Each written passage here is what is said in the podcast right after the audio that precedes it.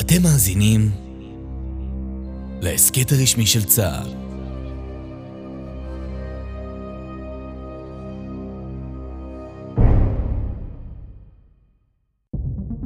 רעידת אדמה עוצמתית פקדה את אדמת טורקיה וסוריה, מערבית לעיר גזיאנטפ, ב-6 בפברואר, יום שני, לפנות בוקר. הרעידה הקשה ביותר ב-80 השנים האחרונות באזור זה, בעוצמה של 7.8 בסולם ריכטר, ואחריו, בצהרי היום רעדה האדמה פעם נוספת, בעוצמה של 7.7. עשרות אלפי אנשים נקברו מתחת להריסות המבנים, בתים קרסו והמוני אנשים נותרו ללא קורת גג. מעבר להרס שנעשה לערים השכנות למוקד הרעש, הכבישים והדרכים בערים ומחוצה להן נהרסו, כך שקשה מאוד ולעיתים בלתי אפשרי להיכנס לערים ברכבים ולספק לנפגעים מענה רפואי או פעולות חילוץ. פעולות החילוץ הראשונות התבצעו על ידי אזרחים וכוחות חילוץ ומשטרה מקומיים. השלג, הגשם והקור הקשו על מאמצי החילוץ לאורך זמן. עוד באותה יממה הוחלט להוציא לדרך את משלחת הסיוע ענפי זית מטעם מדינת ישראל, משרד הביטחון וצה"ל. היא מורכבת מכ-230 אנשי חילוץ, רפואה ותקשוב, כשבראשה מפקד יחידת החילוץ וההצלה הארצית, אלוף משנה במילואים, גולן וך. אנחנו מגיעים בשלב שבו עדיין יש סיכוי למצוא אנשים חיים. אה, התנאים, אה, כידוע, אינם תנאים קלים, גם תנאי מזג האוויר וגם תנאי ההריסות שהיו משמעותיים מאוד. אה, לפי מה שאנחנו מבינים, אה, אבל ישנם עוד סיכויים למצוא אנשים חיים. המשלחת, בהובלת פיקוד העורף, המריאה מבסיס נבטים במטוסים של חיל האוויר. הראשונים שיצאו לדרך הם כוח מצומצם, שמורכב מכמה מומחים שקלטו את שאר המשלחת כשהגיעה לשטח החילוץ. החלק השני של המשלחת יצא לדרך בשעות הלילה בין שני לשלישי, ועם נחיתתם בטורקיה, כוח החילוץ והסיוע החל לעבוד.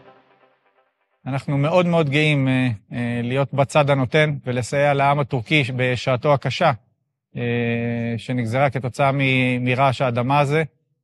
אני חושב שהפעולה הזאת היא משקפת במידה רבה את ערכי צה"ל וערכי מדינת ישראל. חיל האוויר ימשיך לעבוד סביב השעון כדי לאפשר כל סיוע וכל משימה שאליה ייקרא, כדי לסייע במאמץ הכל כך חשוב הזה, שבסופו של דבר עוסק בהצלת חיים וסיוע אה, לעם הטורקי שכרגע זקוק לזה. בליל יום שלישי מקומיים קראו למשלחת לעזרה לחילוץ מבניין הרוס. הצוות החל בפעולות החילוץ כשאורך הפעולה לקח חמש שעות.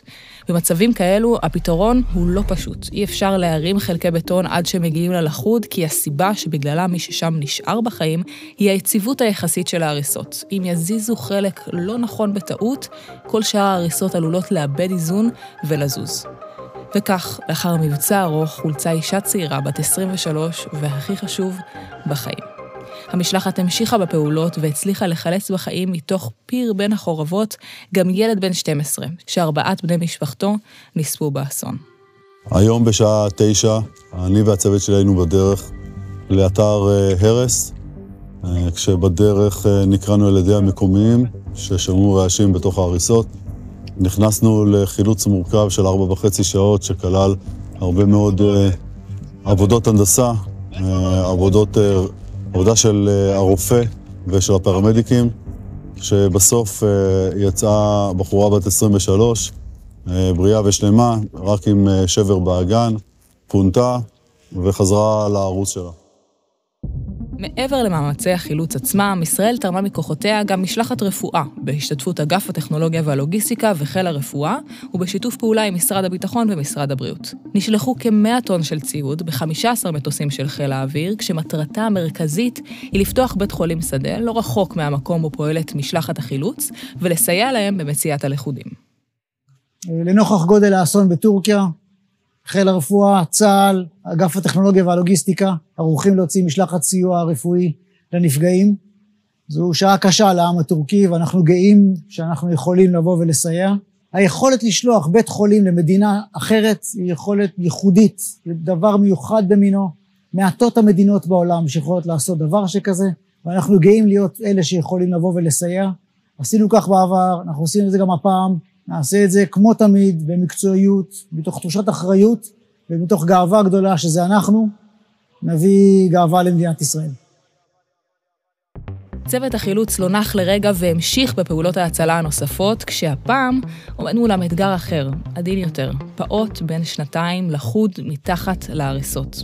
גם במקרה הזה, לאחר ארבע שעות וחצי, הצליחו הכוחות לחלץ את התינוק ולהביא אותו לקבלת טיפול רפואי. לפני זמן קצר אה, סיימנו חילוץ של תינוק כבן שנתיים. חילוץ ארך מספר שעות. קיבלנו דיווח מהטורקים שיש אה, בכי של תינוק, והצטרפנו למשימה כדי לעבוד אה, איתם בשיתוף פעולה מלא.